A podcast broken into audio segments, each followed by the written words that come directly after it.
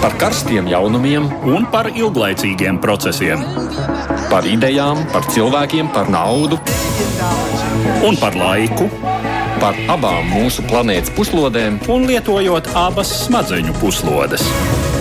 Ēterā raidījums divas puslodes. Esiet sveicināti trešdienas pēcpusdienā, ir dažas minūtes pāri trījiem, un uh, laiks raidījumam divas puslodes. Tajā, kā vienmēr, plašāk pastāstīsim par to, kas tad notiek pasaulē, un ir noticis, un droši vien arī notiks. Un šodien uh, dodam iespēju atvilkt telpu um, Aidim Tomsonam un arī doties to pasauli izpētīt citos reģionos. Tāpēc šoreiz studijā būs Esuģis Lībijams no Latvijas radio ziņu dienesta un, protams, Edvards Liniņš. Sveicināts! Labdien! Uh, tas arī viņš arī ir atguvis veselību un ir ierindā. Tagad Nu, ir vairāk vai mazāk, jā. Un šodien mums studijā pievienosies arī divi eksperti. Ar viņiem plašāk diskutēsim par šādām tēmām. Turcija turpina atkopties pēc nedēļas sākumā piedzīvotās spēcīgās zemestrīces. Dzīvību zaudējušo skaits nu jau pārsniedzis 11,000 cilvēku un tiek prognozēts, ka skaitlis varot pat dubultoties. Vai pat kāpt vēl augstāk. Turcijai palīdzību sniedz dažādas pasaules valstis, bet kaimiņos esošajā Sīrijā sankciju dēļ palīdzība pienāk daudz lēnāk.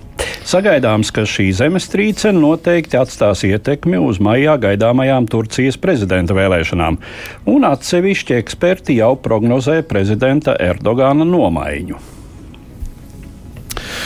Pagājušās nedēļas nogalē Kijavā notika Eiropas Savienības un Ukrainas samits. Eiropas līderiem solot Ukrainai eiropeisko perspektīvu, arī nosūtot signālu Krievijai, ka Eiropas atbalsts Ukrainai nav mazinājies un arī nemazināsies.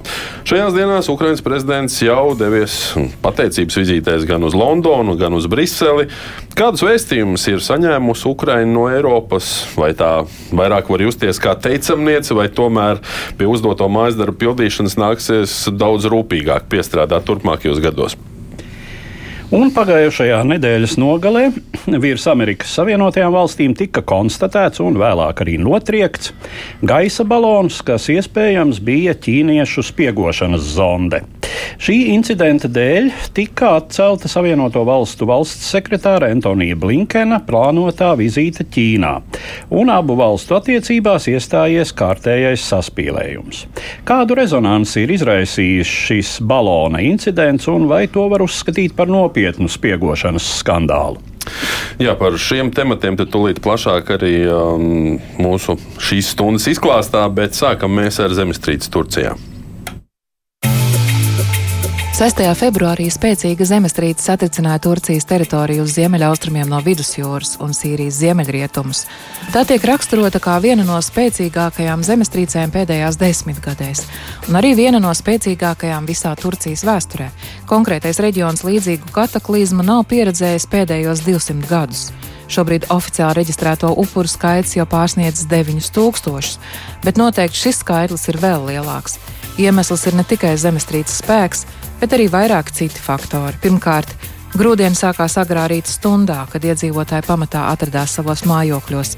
Otrkārt, tas, ka nopietnas zemestrīces attiecīgo reģionu sen nav piemeklējušas, acīm redzot, izraisīs atslābinātu attieksmi pret potenciāliem draudiem, un daudzas ēkas šeit celtas neievērojot visas seismiskās drošības prasības. Treškārt, reģionā šobrīd ir samērā augsts laiks, kas samazina zem ēku drupām aprakto izdzīvošanas iespējas, un visbeidzot, kas attiecas uz zemestrīces skarto Sīrijas daļu. Palīdzības sniegšana nopietni apgrūtina militāri politiskā situācija. Pazemes grūdienos cietuši rajoni, kurus tikai daļēji kontrolē Damaskas režīms. Daļa no teritorijas ir faktiskā Turcijas un tās atbalstīto vienību varā, bet daļu savās rokās tur musulmaņu sunītu militārā grupa Levantes atbrīvošanas organizācija, kuru ASV atzinuši par teroristisku. Arī pirms zemestrīces Sīrijas pilsoņu karā cietušajiem reģionam bija nepieciešama humānā palīdzība, kas valdības nekontrolētajām vietām tika piegādāta pamatā caur Turciju. Tieši to Turcijas daļu, kuru tagad izpostījusi stihija. Asad režīma pārstāvi jau aicinājuši rietumvalstis atkāpties no savas sankciju politikas un uzsākt palīdzības piegādes pa Damaskas valdības kanāliem. Ko ne Vašingtona, ne Londona nevēlas darīt, jo nesot pārliecība, ka šī palīdzība tiešām tikšot godīgi nogādāta tiem, kam tā ir nepieciešama. Tā vietā rietumvalstu valdības nolēmušas izmantot apvienoto nāciju un vietējās nevalstiskās struktūras tiek izteikti minējumi, cik satricinoša šī zemestrīce varētu būt arī Turcijas prezidenta Raģipa Tajapa Erdogana politiskajām pozīcijām, kuras viņam jāaizstāv jau maijā un jūnijā paredzētajās vēlēšanās. No vienas puses, šī ir iespēja sevi pozicionēt kā efektīvu krīzes menedžeri, un Erdogans to nepārprotam arī cenšas, uzstājoties ar apņēmības pilniem paziņojumiem. Tomēr atbildīgo dienestu sākotnējā reakcija esot bijusi krietni gausa un slikti organizēta, un daļa atbildības par to var nākties uzņemties arī valsts galvam. Pie tam viens no prezidenta politiskajiem jājiem zirdziņiem ir bijušas plašās valsts atbalstītās celtniecības programmas, kuru ietvaros celta arī daža laba no nulle kā sabrukušajām ēkām.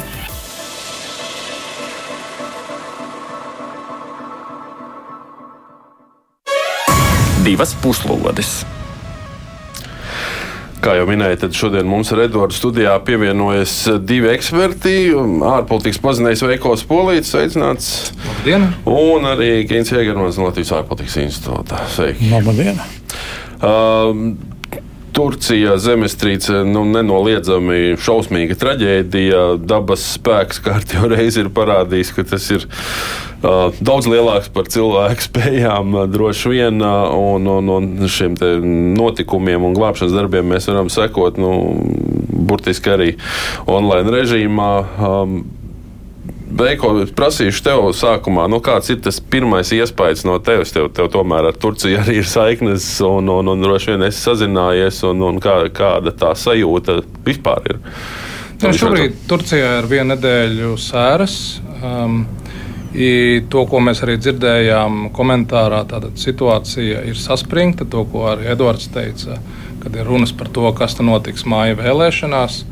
Eh, viss tas, eh, protams, ir vienā lielā mikslī, jo nu, neviens šādās kataklizmas situācijās, kur eh, šajā reģionā ir zemestrīce lielākā kopš 1939. gada, nu, racionāli mēs šobrīd šeit studijā sēžot, un jebkurš Latvijas iedzīvotājs saprot, ka tu nevari uzreiz visus glābējus vienā brīdī dabūt. Un, un man vienkārši pēdējo pāris dienas laikā, sekojot Turcijas mēdījiem, ļoti skaidri parādās, ka viss, ko turku televīzija ir filmējusi tur uz vietas Gaziantepē un Anatolijas reģionā, cilvēki ir ļoti neapmierināti ar valdības darbu, ar nespēju koordinēt šo situāciju, bet aizmirstot to, ka mēs esam redzējuši, ka Gaziantepes lidosta ir eh, pāršķelta pusē dēļ zemestrīces. Tur nevar lidmašīnas nolaisties. Tuvākais ir Iskandruna. Iskandruna ar pašā arī ir, ir ārprāts, kas notiek. Tā kā šajā situācijā ir tāds mazs haoss, bet nu, ar haosu Turcija ir saradusi, bet, protams, cilvēki šobrīd ir zem gruvešiem. Viņi grib šos cilvēkus izglābt, bet nu, jau 48 stundas ar riņķi grūti būs, jo naktī temperatūra krītās zem nulles, un tie brīnumi, kas notiek gan Turcijā, gan Sīrijā, ir izņēmumi. Tā kā es domāju, jā, ap 20 tūkstošiem mums varētu būt cilvēki, kas ir aizgājuši aizsūtīt. Nu, jā, šeit um, runājot par haosu, arī gatavojot materiālu par, par ekonomisko situāciju, tā sajūta, ka tas, tas haoss ir valstī diezgan plašs un jau ieildzis. Un, uh, bet varbūt es, es biju pārsteigts, ka izrādās, ka Turcijā jau aptuveni aptuveni 20 gadus tiek iekasēts zemestrīču nodoklis. Un, un, un ka esot bijis plānots veidot īpašu ārkārtas situāciju ministriju, īpašu zemestrīču fondu, bet nekas īsti nav, nav izdarīts. Jā, to. tieši tā, un šajā situācijā es pats zinu, ko mana ģimene vai sievas ģimene, ko dara. Izmērs pilsētā, ko man paziņas Stambulā dara, ir līdzīgi kā Latvijā mums ir dzīvokļu īpašnieku biedrības, arī Turcijā ir šādas dzīvokļu īpašnieku biedrības. Un viņi paši privāti, ja valdība neko nedara, viņi zina, ka zemestrīce vienā dienā var būt, jo pēdējā zemestrīce, kas bija piemēram Stambulā, lielākā bija 1999. gadā. Līdz ar to šīs uh, dzīvokļu īpašnieku biedrības algo ekspertus. Eksperti nosaka, vai šīs mājas ir drošas. Ja ir drošas, tad viņi var dzīvot tālāk. Ja nē, cilvēki paši uh, aicina kompānijas nojauc vecās un būvē jaunas, kas ir, protams, liels izmaksas. Bet šādi cilvēki rīkojās Izmirā un Stambulā, piemēram, uz manas sievas vecāku ielas uh, bija šī gada martā Iela ir apmēram nu, kilometri seši. Uz viņas es saskaitīju 24 mājas, kas bija nojauktas, un šobrīd tiek būvētas jaunas. Tā kā šādi rīkojās rajonos, kur ir ienākumi salīdzinoši lieli, bet Gaziantep un vispār Anatolijas reģions ir, ir ar nabadzīgs rajons, līdzīgi kā mums austrumu rajons. Tā kā šajā gadījumā cilvēkiem naudas nav. Plus vēl arī vēl viena lieta ir, protams, Sīrijas bēgļi, kuriem kopš 2015. gada šī brīža prezidenta partija ir apmēram 3 miljoniem iedevusi Turcijas pavalsniecību, kas ir radījis spriedzi starp turku valodā un arābu runāšajām kopienām Turcijā. Un, protams, ar šo zemestrīces situāciju, kur ir arī aizdomas, ka ir nauda pa labi, pa kreisi šķēpelēta, mēs redzam šīs problēmas, kas papildina visu šo neapmierinātību. Ginto Veiko jau pieminēja šo Sīrijas aspektu, un man liekas, man, man viens no vispilgtāk acīs iekrītošajiem ir tas, ka Turcijai palīdz nu, vairāk kā 70 valstis, visi NATO partneri, visi iesaistās Austrālija, Jaunzēlande, Meksika, Amerika. Visi. Sīrijai, pret Sīriju sankcijas, pie tam vēl tas vēl ir reģions, kuru ne īsti kontrolē ne Sīrijas režīms, Sīrijas sabiedrotie mazāk šis jautājums par humāniem apstākļiem, nepieciešamību palīdzēt šādā krīzes situācijā un sankciju jautājums pretī, kas liedz nu, reāli nokļūt tur pat, palīdzībai. Vai šāds, šāda situācija, šāda traģēdija var to kaut kā izmainīt, šo lietu stāvokli? Mm, es domāju, ka diezi vai. Protams, kaut kāda palīdzība tiks Sīrijai arī sniegta, bet nu, tā jāņem vērā ir tas zināmā mērā dīvainais apstākļis, ka turīgā pasaulē ir rietumos tiem, kam ir nauda un spēja šādu palīdzību sniegt. Un, nu, ar Sīriju nekādas īstas attiecības nav. Vispār tas Sīrijas jautājums ir tik ārkārtīgi samazglots, tur ir pretruns pretruns galā. Tā pati Turcija, nu, vēl pirms šīs zemestrīces radās doma, kuram tur galvā nē, bet nu, Putins, nedaudz uzšaut. Bet nē, Putins pa, pa vidu bija, tika meklēti kaut kādi salapšanas veidi, un izskatījās, ka Turcija ar Sīriju kaut ko tur mēģinās pa, pa jaunam darīt. Kā tas tagad sanāks, nu, šobrīd ši, šajā juceklīgajā brīdī diez vai, bet nu, arī skaidrs, ka Erdoganam pirms vēlēšanām, un tieši tāpēc, ka ir šis juceklis ar zemestrīci, nu, viņiem būs jāmeklē kaut kāda izēja uz, uz partneriem. Tā kā var būt, mēs varam sagaidīt kaut kādas kustības diplomātijā, kas līdz šim ir Tur, kur varbūt turku puse bija vairāk iecertusies, eh, šeit var parādīties kaut kādas eh, jaunas nianses. Uh, bet tas vairāk ir kā, nu, domājot par to, ka Turcijai ir nepieciešams atkopties vai vajadzētu palīdzēt arī Sīrijai.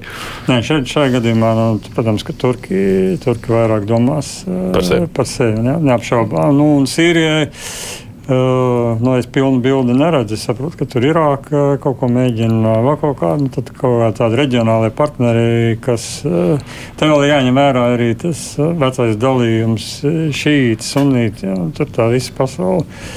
Tā kā nu, jā, Sīrijā nepaveicās. Tad faktiski mēs varam teikt, ka pat šāda dabas stihija novelk tādas zināmas ļoti skaidri redzamas robežas starp reliģisko, nacionālo, politisko sadalījumu.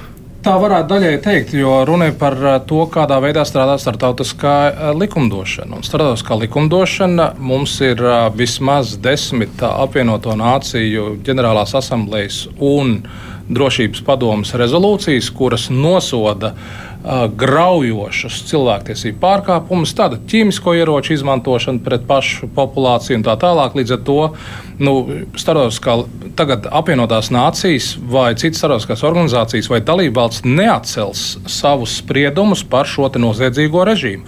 Tagad šis noziedzīgais režīms vakar Ņujorkā ļoti skaidri pateica, nekādu palīdzību jūs pāri robežai, pāri Turciju nedrīkstat dot uz Alepo un citām vietām. Jums jādod pa taisno uz Damasku. Un tas ir tevi noziedznieks, kas ir izvarojis savu upuru, un tagad tu saki, tu upuram nevari palīdzēt no malas. Tev ir jālūdz man tiesības, vai es varu palīdzēt šim izvarošanas upurim. Nu, šajā gadījumā es domāju, ka startautiski viss ir skaidrs.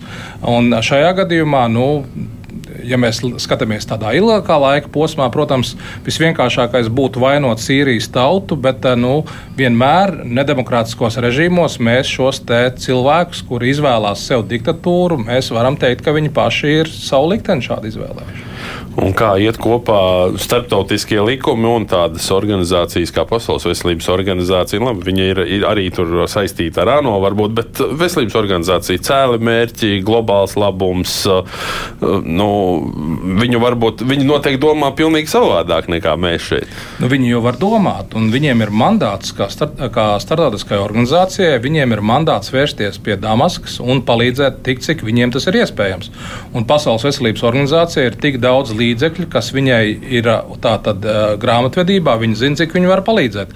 Tā pašā laikā pārējie var spriest, vai mēs šim noziedzniekam, Asada režīmam palīdzēsim vai nē. Un šajā gadījumā es domāju, to, ko Gins teica, ir interesanti. Tātad Turcijai pašai ir jādomā, kā risināt savas sasāpējušās problēmas, kur ir krīze mājās. Tātad šī nedēļa ir tātad sēras. Un tagad ir jāpalīdz kādam noziedzniekam pāri robežai, kur Turcija grib arī savas drošības jautājumus pēc definīcijas risināt, kur nemitīgi ir terorismu uzplūdi, kas jau ir cits uh, jautājuma temats un citam raidījumam nepieciešams. Uh, viena lieta, kas ir paralēli sērām, izsludināta Turcijā, ir trīs uh, mēnešu ārkārtas stāvoklis. Un, uh, zemestrīces skartajos reģionos. Jā, jā. Nu, bet tas vienalga tas nozīmē tādu mazu niansi. Vēl pirms pavisam neilga brīža gaidāmās vēlēšanas tika pārceltas vienu mēnesi agrāk, proti, uz māja vidu. Tagad sanāk, ka ārkārtas situācija šajos reģionos beigsies nedēļu pirms vēlēšanām. Un, uh, daudz tika runāts par to, ka jau tā šī vēlēšana pārcelšana nāk par labu mm, Erdoganam un viņa režīmam. Um, opozīcijai varētu nebūt iespēju sagatavoties. Uh, no tagad uh, tas viss izskatās vēl sarežģītāk no vienas puses. Edvards, kā tev tas izskatās no malas? Nu, jautājums ir, vai cik lielā mērā prezidents Erdogans un viņa partija ir mācījusies no iepriekšējās uh, lielās kataklizmas kļūdām. Uh, jau piesauktā 1999. gada zemestrīce, uh, kur tiešām tajā brīdī izrādījās, ka mm, teorētiski pastāvošais um, zemestrīču seku novēršanas fonds, vai kā nu to toreiz tur sauca, uh, tur bija kaut kāda smieklīga summa. Uh, tā sacīt, kontā. Un, nu, faktiski tas bija tukšs, tur nebija naudas. Un, un viss tas, kas notika toreiz, nu, bija tas sliktākais piemērs. Un tobrīd pie varas esošie politiskie spēki arī par to smagi samaksāja. Kaut vēlēšanas bija šķiet divus vai divu ar pus gadus vēlāk, 2000. 2002. Jā, ja nemaldos. Tad tieši šajās vēlēšanās Uh, savus iz, uh, izšķirošos panākumus guva pre, pašreizējā prezidenta Erdogana partija. Uh, nu, tā tad Turcijas nu, politisko dzīvi arī, ietekmē zemestrīces. nu, šajā, gadījumā, šajā gadījumā jā, un nu, arī tas, ka tobrīd pie varas esošie nu, tīri politiski izrādījās. Uh, jāsaka, nožēlojami savā veiktspējā ļoti ilgi uh, noliedzot vispār problēmas apmērus, kaut nu, tas bija acīm redzami, jo, jo bija cietusi, cietis tātad Stambulas reģions. Jā, nu, viens no jāsaka, aktīvākajiem centrālajiem valsts rajoniem, vistuvākais Eiropai. Nu, tur teiksim, slēpt tās sekas bija bezjēdzīgi. Bet nu, tas tomēr tika kaut kādas nedēļas darīts, tur atrunāšanās un tā tālāk. Nu, tas viss rezultējās tajā, kā būtiski mainījās spēku samērs politiskajā spektrā, un Erdogans sāka savu eh, sekmīgo politisko karjeru. Uh, nu, lūk, jautājums ir, mm, kā, tā, kā izrādīsies tagad? Jā, kā jau Veiko teica, ir perfekti. Seismiski tad... satricinājumi politiskajā dzīvē. Ja, bet ir, ir viens, viens arguments, es pilnīgi piekrītu, ko tu stāstīji, un tas, ka zemestrīces, protams, ietekmē, un šeit mēs varam vilkt patiesībā arī paralēles ar Latviju un domāt par to, kādā veidā civilās aizsardzības patvērtņu diskusija, kas mums Latvijā ir īsti iesākusies, sasaistās arī ar šo problēmu. Bet te viens svarīgāks aspekts ir proti 2017. gadā referendumā Turcija nobalsoja, un šobrīd Turcija vairs nav parlamentāra, bet gan prezidentāla republika. Līdz ar to šo, šos vēlēšanu iznākumus nu, mēs nevaram paredzēt tā, kā tas bija 2002. gadā. 2000, jā, 2002. gadā. Un, līdz ar to šeit neapmierinātība, protams, cilvēkos ir, bet mums ir līdz maijam vēl četri mēneši. Nu, jā, Čet... Nē, te patiešām ļoti daudz kas ir atkarīgs no prezidenta Erdogana personiskās politiskās izmanības. Eh, prasmes eh, publiski pareizi izturēties. Tas, kas tiek atzīmēts, ka vispār Erdogan, Erdoganam nepatīk atrasties publiski tur, kur ir kaut kādas problēmas. Viņš parasti izbīda uh, kādu no saviem uh, palīgiem vietniekiem, bet šo, šis, šī nav tā reize. Viņš ir sapratis, ka ir pašam jābūt epicentrā, ir jādemonstrē, ka viņš tā sacīt, tur to lietu savās rokās. Nu, acīm redzot, ļoti daudz ko noteiks tiešām tas. Kāds būs sabiedrības spriedums? Jā, viena no lietām, kas arī var ietekmēt šo iznākumu, ir ekonomiskā situācija. Jo Turcijā tā nu, nebūtu nav iepriecinoša. Inflācija ir ap 85%, liras vērtība zema un pāris simtam. Jau. jau ir pāris simtam. Nu, nu, tur ir dažādi tie, tie dati. Oficiālie dati ir uh, uz pagājušā gada oktobra bija 85% no, inflācijas, jā, bet tad uz gada beigām tā nokritās uh, kaut kur pie 60%. Tie ir oficiālie dati, protams, bet uh, nu, lietpratēji, kas tur kaut ko mēģina vairāk saprast, viņi teica, Tie 80%, protams, ir 160. Līdz ar to skaidrs ir, ka tu, Turcijas iedzīvotāju pirktspēja neapšaubām kritās, bet tur ir viens interesants āķis, arī bezdarbs auga, bet Erdogans. Uh, nu, labi, centrālā banka ir uh, skaitās, ka neatkarīga, bet tur arī bija visādi triki, kā viņš tur nomainīja tos vadītājus. Kaut kāda radnieka tur arī bija iesaistīta. Zlots ir finanšu ministrs. Jā, jā bet tas, uh, kamēr inflācija gāja uz augšu, lira tika gremdēta uz leju, pilnīgi pretējā reakcija. Un, ko, ko tas nozīmē? Tas nozīmē, ka ir pieaudzis eksports. Protams, uzņēmumiem ir kaut kāds uh, labums bijis, un tagad, uh, ja nemaldos, pirms uh, pāris dienām viņi pieņēma nu, centrālā banka jaunu lēmumu, lai spiestu eksportējušos uzņēmumus tos ienākumus, kas ir ārvalstu valūtās iegūtas, uz labvēlīgiem noteikumiem konvertēt lirās, lai palielinātu nu, turku, turku valūtas nu, pārvesamību. Mm. Tur, tur tas, nu, vēl, kā saka, nav skaidrs, kā tas viss beigsies. Protams, tā ekonomika ir diezgan uh, struntīgā stāvoklī, bet uh, nu, nu, šīs... tā inflācija varētu nu, redzēt, kā, kā zemestrīce. Nu, zemestrīce, es domāju, tur diezgan pamatīgi. Jā, un, ja paskatās uz Erdogana reitingiem, nu, tad ir tā, ka uh, jā, viņš joprojām ir populārākais politiķis Turcijā. Uh, bet nu, šie reitingi arī tiek atbilstoši vēlēšanu kārtībai. Pieskaņot. nē, nē, nē, nu, respektīvi tās aptaujas tiek veiktas. Tā, kā jūs balsotu pirmajā kārtā un kā jūs balsotu otrajā kārtā. Nu, un izskatās tā, ka Erdogans pirmajā kārtā nevar savākt vairāk par pusi kas tad būtu uzvara pirmajā kārtā, bet otrajā kārtā ir vairāki citi kandidāti, kuriem Erdogans zaudē.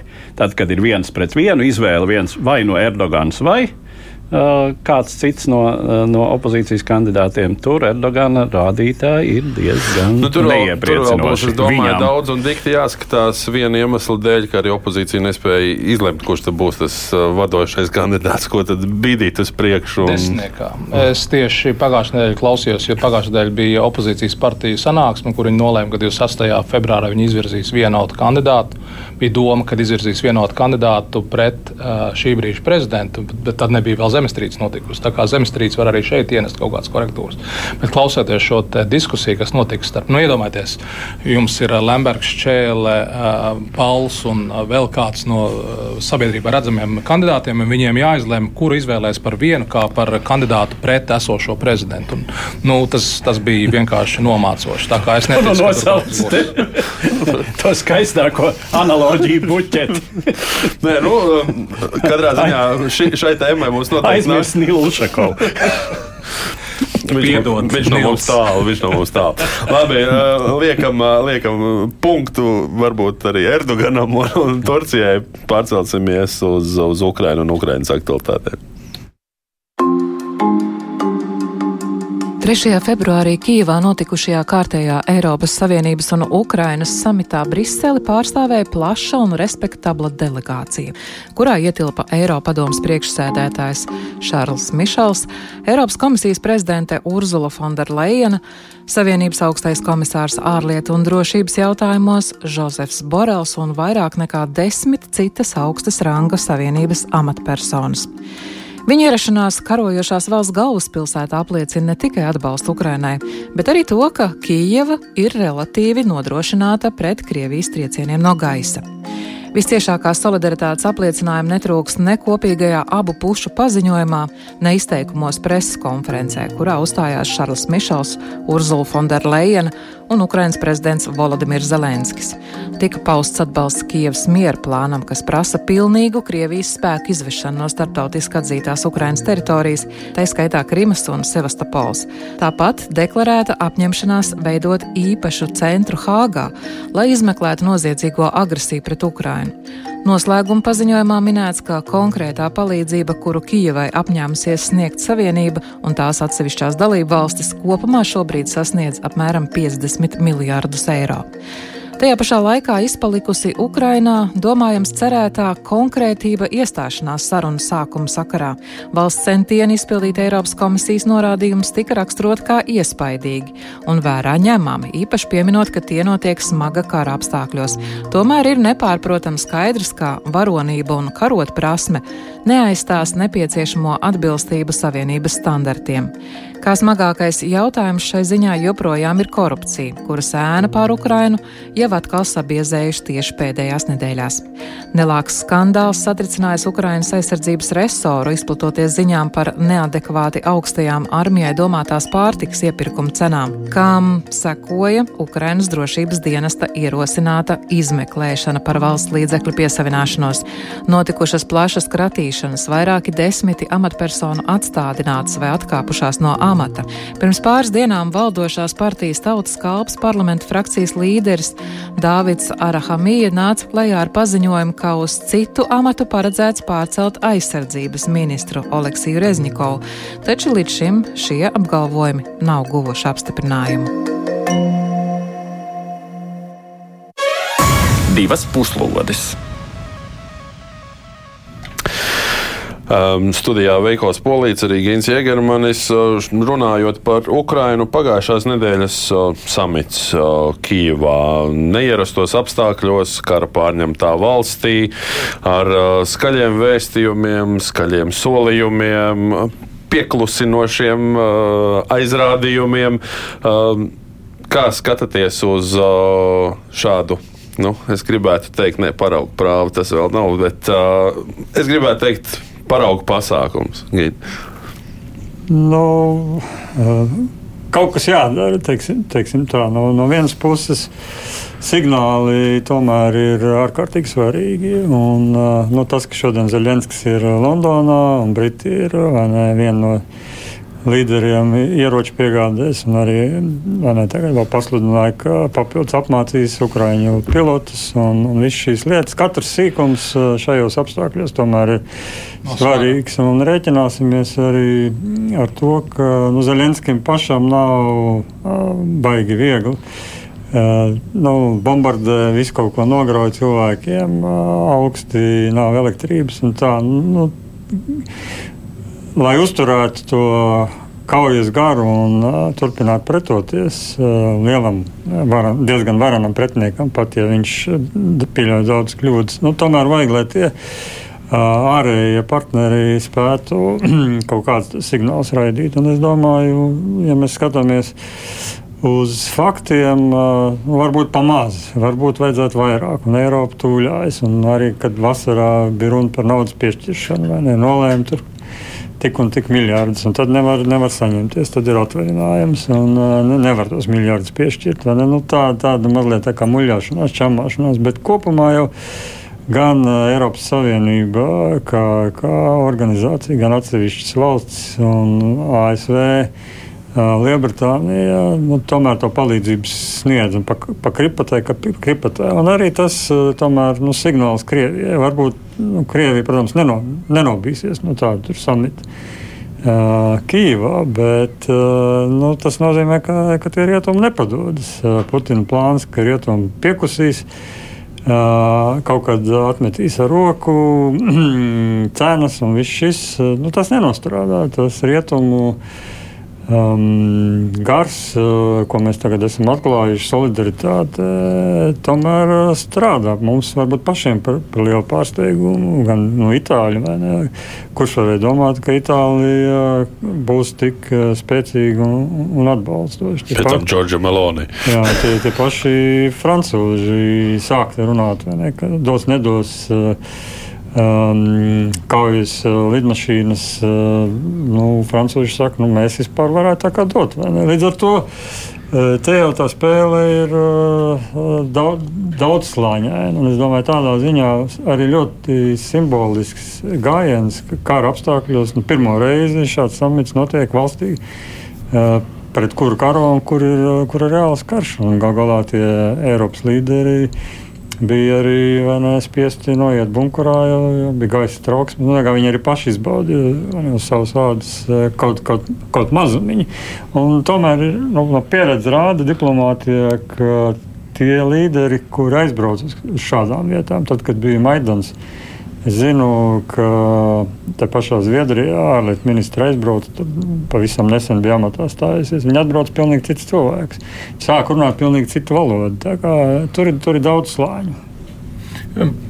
Papildus tam, ko tu teici, es patiesībā gribētu paskatīties mazliet no cita viedokļa, no tā, kas, eh, kā tas skar mūsu, kā Eiropas Savienības dalību valsti. Proti, četri gadi atpakaļ, kad um, Urzulas Fonderlejenas uh, Eiropas komisija stājās amatā, tad uh, Viens no viņas apsolījumiem bija, ka eh, Eiropas Savienība kļūs par ģeopolitisku savienību, kas bija inovatīvi, tas bija kaut kas jauns. Un patiesībā ar šo Kijavas, eh, Ukrainas, eh, Eiropas Savienības galoķu tikšanos mēs patiesībā to ļoti skaidri redzam, ka tiek novilkta strīpa. Nu, negribu negrib nosaukt viņu par jaunu dzelzceļa priekškaru, bet pēc būtības mēs pasakām, ka Ukraina ir šeit.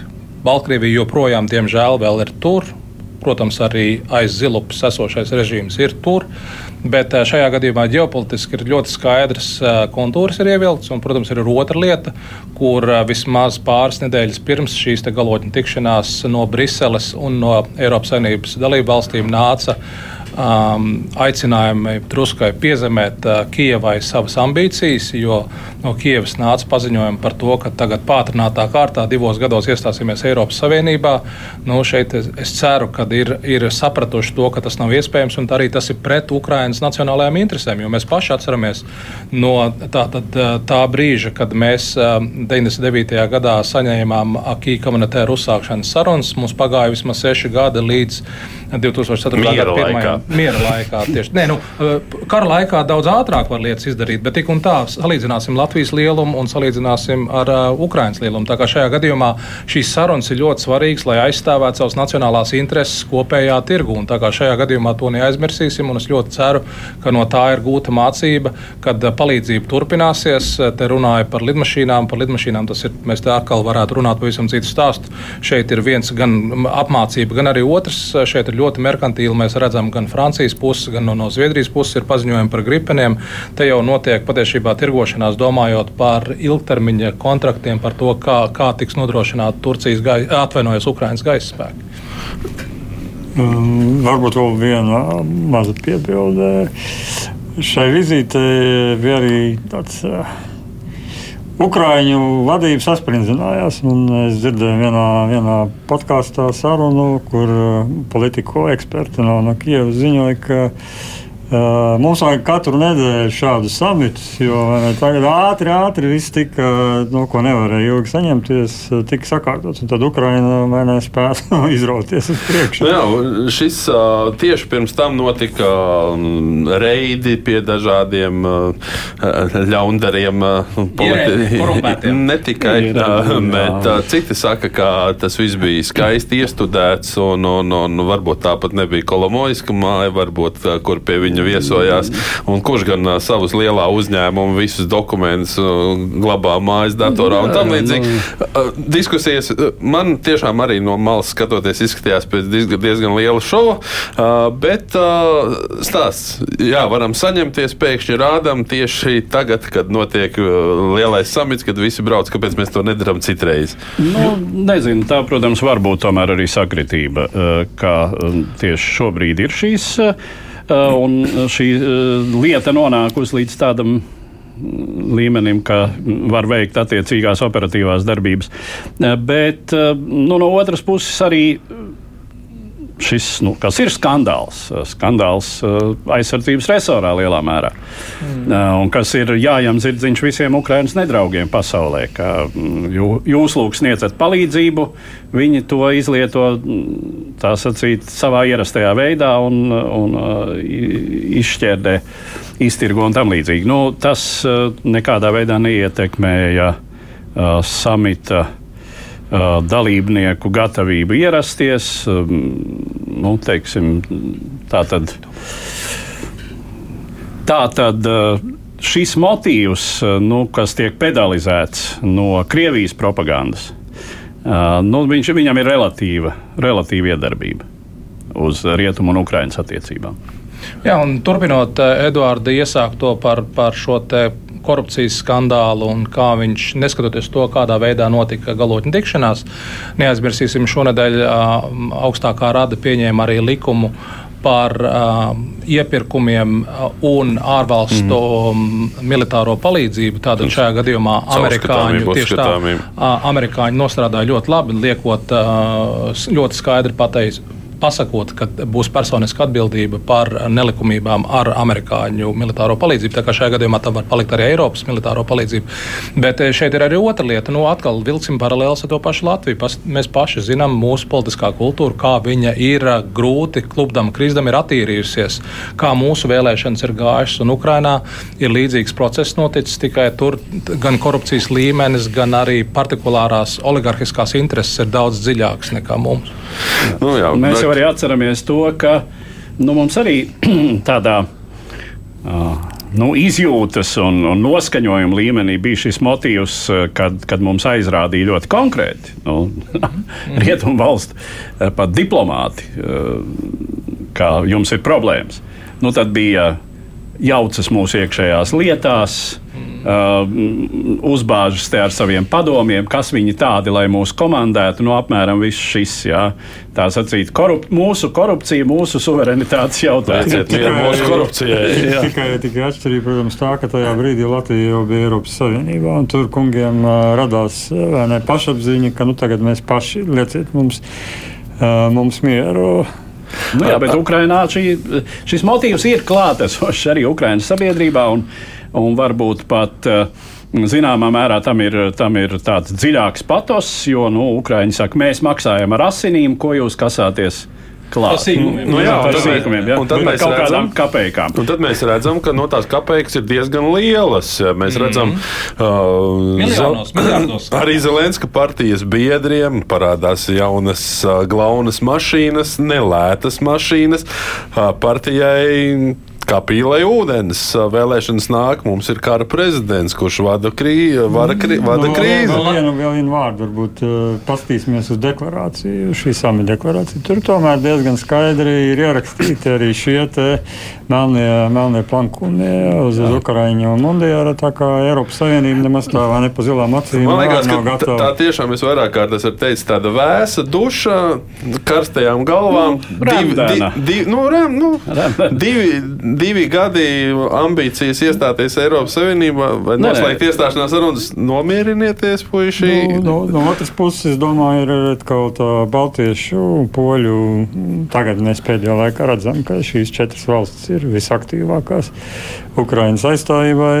Tomēr nu, to, to diskusiju virzīt tā, lai tiem Ukraiņiem palīdzētu. Neapšaubām viņiem šī palīdzība ir vajadzīga un arī pēc tam, tad, kad karš būs beidzies, lai varētu valsts sakārtot atjaunot un, un, un, un normāli arī attīstīt. Un šī, protams, bez NATO līdz, uh, dalības neiztiksim. Šajā gadījumā es uzskatu, ka nu, man pašam ir bijušas pāris konferences, kur man bijušas tikšanās ar Amerikas augsta ranga uh, virsniekiem, daudz, ģener, daudz uh, zvaigžņu ģenerāļiem, kuri ļoti skaidri pateica, ka patiesībā ir viena valsts. Tas bija pirms 2007. gada, kad, kura varētu iestāties NATO. Viņš ļoti skaidri pateica, ka tā ir Horvātija. Šobrīd līdzīga argumentācija ir par Ukrajinu. Šobrīd Ukraiņas armija ir Eiropas kontinentā visspēcīgākā armija ar visspēcīgāko nodrošinājumu. Tā kā šādu iespēju nevajag laist garām, tā kā arī šeit tiek strādāts. Bet, nu, protams, bez korupcijas izskaušanas tālāk mēs netiksim. Labi, labāk mēs varbūt dosimies tālāk pāri okeānam, palidināsimies pa gaisu un paskatīsimies, kas notiek citās valstīs. Pagājušās nedēļas nogalē plānotā Savienoto valstu valsts sekretāra Antonija Blinkena vizīte Ķīnas Tautas Republikā tika atcelta pēc tam, kad virs Savienoto valstu teritorijas tika konstatēts gaisa balons, iespējams Ķīnas palaista spiegošanas ierīce. Tā ielidojusi Savienoto valstu gaisa telpā virs Aļaskas aizpagājušās nedēļas nogalē, šķērsojusi Kanādas rietumu daļu, tad Savienoto valstu ziemeļdaļu, tā skaitā balistisko starpkontinentālo raķešu bāzēšanas vietas Montana štatā. Amerikāņu militāristi atteikušies no domas tūdaļ notriekt atmosfēras augšējos slāņos lidojošo zondi, baidoties, ka atlūzas varētu potenciāli apdraudēt cilvēkus uz Zemes. Pats balons tiešus draudus neradīja, jo atradās krietni virs komerces aviācijas lidojuma augstuma. Tāpat Pentagons esot novērtējis, ka nozīmīgas izlūkošanas informācijas iegūšanas potenciāls šim lidlīdzeklim esot ierobežots. Galu galā pagājušā sestdienā Savienoto valstu gaisa spēki notrieca balonu virs Atlantijas okeāna, netālu no Dienvidkarolīnas štata piekrastes. Ķīna atzinusi, ka balons patiešām palaists no tās teritorijas.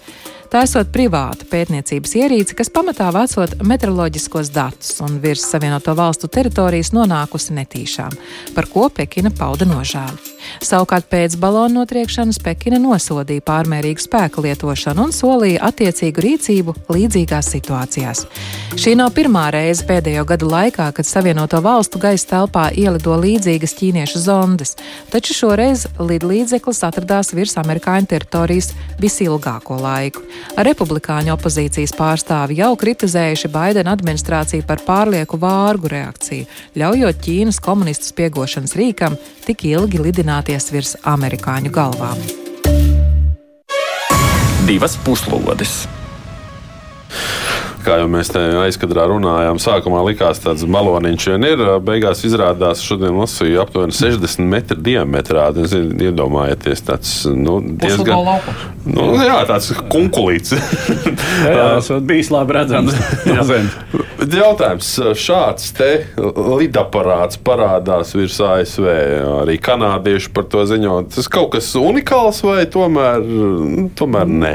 Esot piektā reize, divu, nē, vairāk nu jau vairāk gadu kopš, šķiet, kopš Trumpa prezidentūras sākuma piektā reize virs nu, Savienotajām nu, valstīm. Skaitļiem es domāju, mēs vēl uh, nevaram būt pārliecināti. Tagad uh, informatīvā telpa ir pilna ar, ar visādi žonglēšanu, faktu jūklis vai, vai informācijas jūklis. Nu, varbūt tā kā jāpagaida skaidrs, ka uh, Baidens mēģina, Baidena administrācija mēģina teikt, mēs vismaz viņu pamanījām, jo nu, Trumps trīs palaida garām, ne, un te, te mēs pamanījām. Bet nu, atšķirība ir tāda, ka iepriekšējās reizes uh, tie baloni, kas tur ir lidinājušies, varbūt nevienmēr ir pamanīti. Tas nozīmē vispār nu, par spējām viņus. Uh, ieraudzīt, uh, bet šis bija, nu, bija vairāki sakrītoši apstākļi. Viens uh, no tā tad. Uh, Pirms Blinkena vizītes uz Ķīnu, pirms ne, Baidena gada runas, balons redzams. Tad to nevar To, nu, sociālā tīkli nu, nevar noslēpt. Respektīvi, amerikāņi pat ja viņi būtu gribējuši kaut kā to klusi, nu, vairs nevarēja to, to, to klusi. Pats spiegot bez politikas. No, izlidoja cauri vai pārlidoja visam bet, kontinentam. Bet tad ir tur, tur, tur arī interesanti, ka ķīniešu pirmās reakcijas vai vai, nu, tas taču civilais gaisa kuģis, kas, kas nu, nomaldījās, nu, amerikāņi notriec Saka, o, jūs baigi, baigi nelieši, jūs pārkāpjat ne, tur, starptautiskās tiesības un ar militāriem līdzekļiem vēršaties pret civilo, civilo gaisa kuģi. Nozīmē tā, tā retorika. Nu, Ķīnas pusē ir diezgan, bet tur ir tam, mums jāpakāpjas atpakaļ. Es tagad saprotu, ka veikonu, ā, veikonu lozos pie vārda. Respektīvi, pat ja, pat ja amerikāņi un ķīnieši pēc abu prezidentu tikšanās Balī būtu gribējuši kaut kā tās attiecības mazliet, mazliet normalizēt, tad, ja mēs paskatāmies, nu, ko amerikāņi oktobrī ietriec ļoti dziļu nāzi mikroshēmu, augstas ne, kvalitātes spēju, jaudīgo mikroshēmu eksportā uz Ķīnu. Vēl pirms nedēļas šķiet, amerikāņi aizliedz eksportēt uz amerikāņu firmām, eksportēt jebko Huawei kompānijai. Savukārt eh, ķīnieši eh, pagājušā gada beigās, tad, kad Krievija ļoti agresīvi bombardēja Ukrainu, rīko kopīgas mācības eh, ar Krieviju. Austrumķīnas jūrā Putins ar šī sazvanās gada beigās, un nu, tur nav tā kā. Ne, Šis kaut, pilnīgi neizklausās kāds, pēc spiegošanas. Kaut kāds, kaut kāds atsalums attiecībās drīzāk otrādi. Viņi runā par ne, militārās sadarbības stiprināšanu. Un, nu, tur, tur ir vēl visā daudz slāņu, par ko, par ko mēs varam parunāt. Protams, ko es gribu pateikt, ka pat ja, ja mēģina, un pat ja tas balons bija nejaušība, ko, kas man liekas mācīts, nebija nejauši. ne, tad nu, to, nu, īstenībā kaut kā tās attiecības normalizēt tuvākā laikā neizskatās, ka būs iespējams. Ne, turpinot tavs iesākto, es domāju, ka šajā gadījumā, protams, to, ko Edvards teica, šis jau piektais gadījums. Nu, tad, ja viens, tad es pats esmu muļķis, ja divi nesu ievērojis, trešais, nu, sauciet mani kā gribat. Bet uh, šajā gadījumā es domāju, ka situācija starp, ar attiecībām starp Pekinu un Vašingtonu nu, ir tā, kā tu viņu mums ieskicēji, bet tajā pašā laikā neaizmirsīsim, ka bijušais Ķīnas vēstnieks Vašingtonā ir šobrīd ārlietu ministrs. Tā kā mēs arī zinām, kādā situācijā ir Ķīnas ekonomika. Es šorīt speciāli noklausījos Baidena uzrunu nācijai.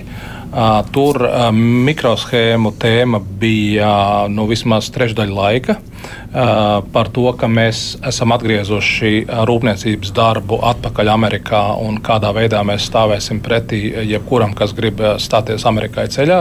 Tā kā šajā gadījumā izskatās, ka amerikāņi ļoti precīzi zina, ko dara, un arī ar balonu notriekšanu viņi ļoti labi paredzēja, kā viņi to izdarīs. Protams, priekš Latvijas klausītāji varbūt jocīgi izklausās, ka Amerikā mūžīgi ir jādomā nevis tikai par Amerikas un attiecībām ar trešām valstīm, bet Amerikā nemitīgi ir jādomā kādā veidā tu veiksi attiecības starp Eh, šī brīža demokrātu prezidentu un republikāņu kongresa vairākumu. Tas arī bija klātesoši. Un to jau mēs redzējām, kad balons pats parādījās Montānā, republikāņu pārvaldītā štatā.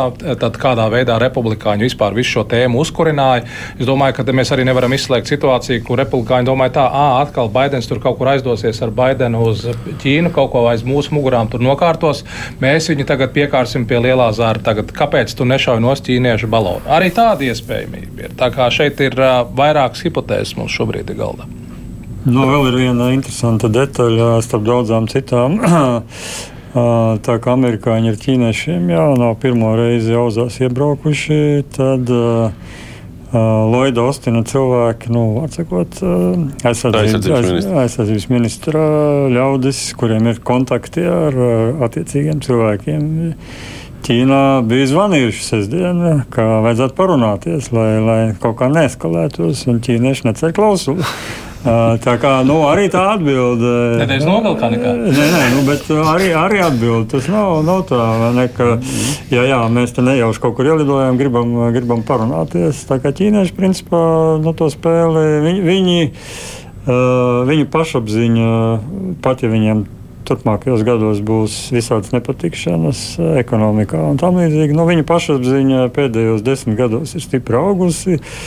Šī ir nu, labi, jāpagaida līdz pavasarim, kad oficiāli apstiprinās, bet nu, ir trešo reizi ne, prezidents, varbūt prezidents uz mūžu.